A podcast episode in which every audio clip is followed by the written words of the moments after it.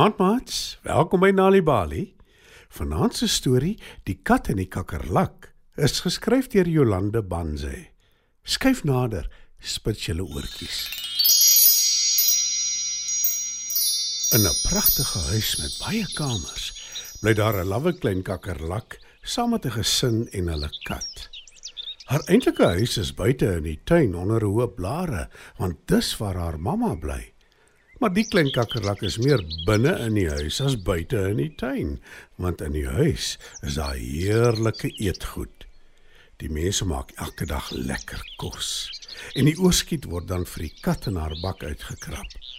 Dis nou oorskiet so stukkies vleis, bietjies rys, vis, eiers, kaas, pampoen, wortels, spinasie en soms ook piesangs en havermout en bessies en watlemoen. Die kat geniet al die kos want sy's gewoond daaraan.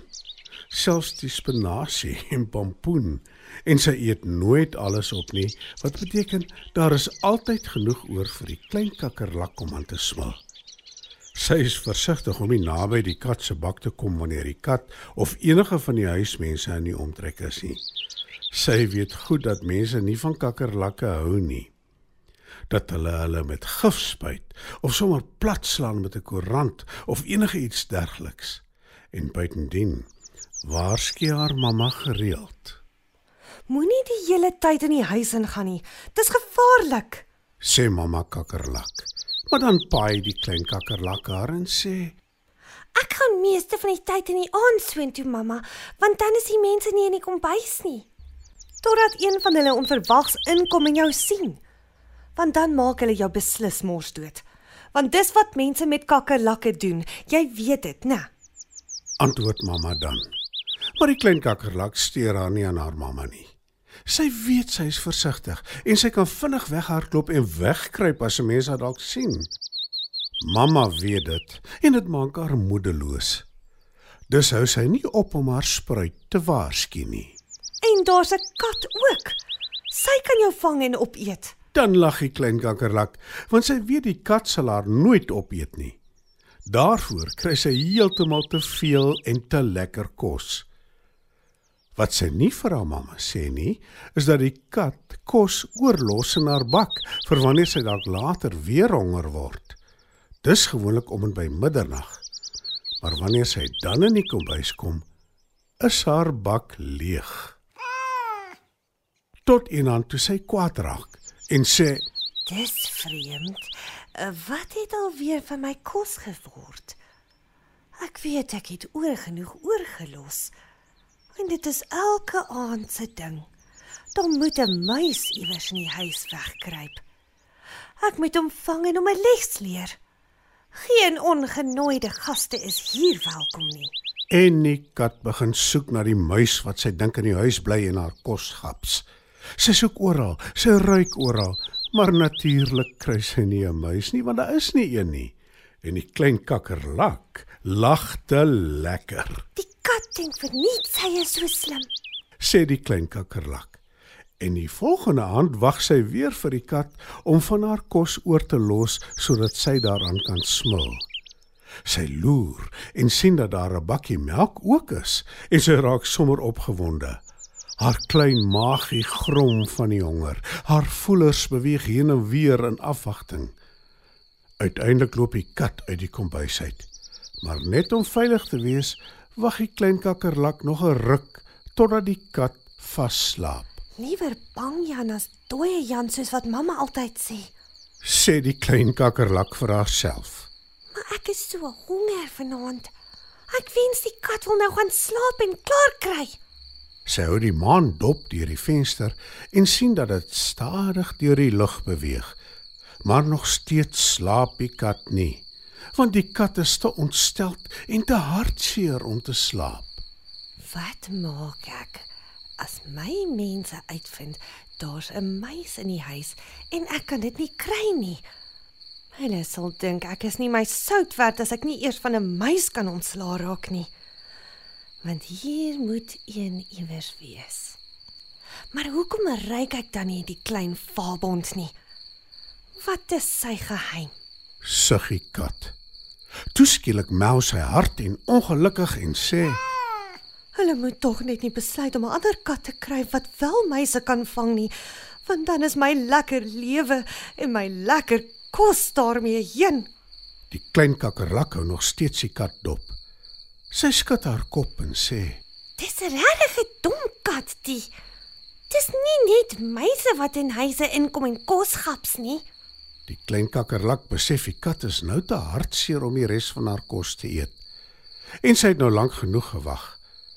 Dus draf sy kombuis toe om te gaan smil. Maar sy het skaars begin eet toe die kombuislig skielik aangeskakel word. Die klein kakkerlak skrik, maar nie so groot soos toe sy skielik 'n gil hoor nie.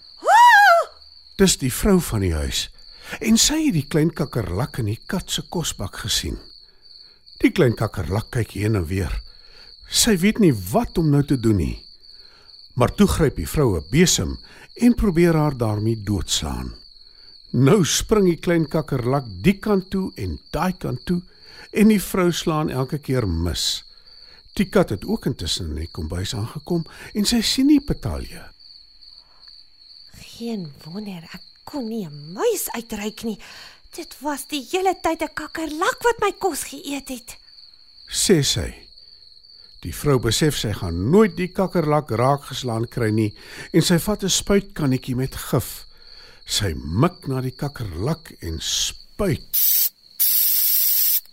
Maar die kat is in die pad. Sy asem per ongeluk van die gif in en begin onbedaarlik nies. Hatsa! Hatsa! Hatsa! Van die gif beland nou ook op die klein kakkerlak en sy val om op haar rug, pootjies in die lug.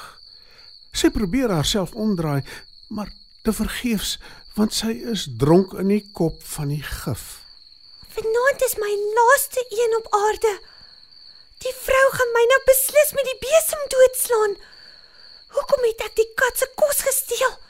Hoekom het ek nie na my mamma geluister nie? Maar spyt kom natuurlik altyd te laat. Klaar die klein kakkerlak voordat sy heeltemal flou word. Die vrou vat die besem. Maar sy slaan nie die klein kakkerlak dood nie. Sy maak die deur oop en vee haar by die huis uit, steeds bewusteloos. Die kat is nou baie gelukkig en sy roep agterna: Jy beter nooit weer terugkom nie, jou lawwe klein kakkerlak. Volgende keer is jy nie so gelukkig nie. Die klein kakkerlak lê ruk buite op die gras. Toe begin sy stadig bykom. Sy skud haar kop en beweeg haar voelers heen en weer. En na die noue ontkoming gaan sy nooit weer in die huis in nie. Al ruik sy soms die heerlike kos. Sy sien beslis nie kans vir die kat, die spuitkannetjie gif of die vrou wat so hard gil nie. Vanaand se Nali Bali storie, Die kat en die kakkerlak, is geskryf deur Jolanda Banze. Die storie is aangebied deur die Nali Bali leesvergenotveldtog in samewerking met SABC Education. Dit was nogal moeilik om die kinders besig te hou terwyl jy by die winkels was vandag. Jy moes vir hulle storie gelees het, ouma. Ek hoor Nali Bali het allerlei wenke en gidse hoe om leespret te maak vir kinders. En is alles gratis beskikbaar. Wat 'n blink gedagte. Alle kinders hou tog van stories. Lees vir genot behoort pret te wees vir kinders en Nali Bali kan help daarmee. Besoek nalibali.org skuinstreep story supplies vir wenke en aktiwiteite oor lees. En dit kos jou nie 'n sent data nie. Dis heeltemal gratis. Nali Bali. Dit begin met 'n storie.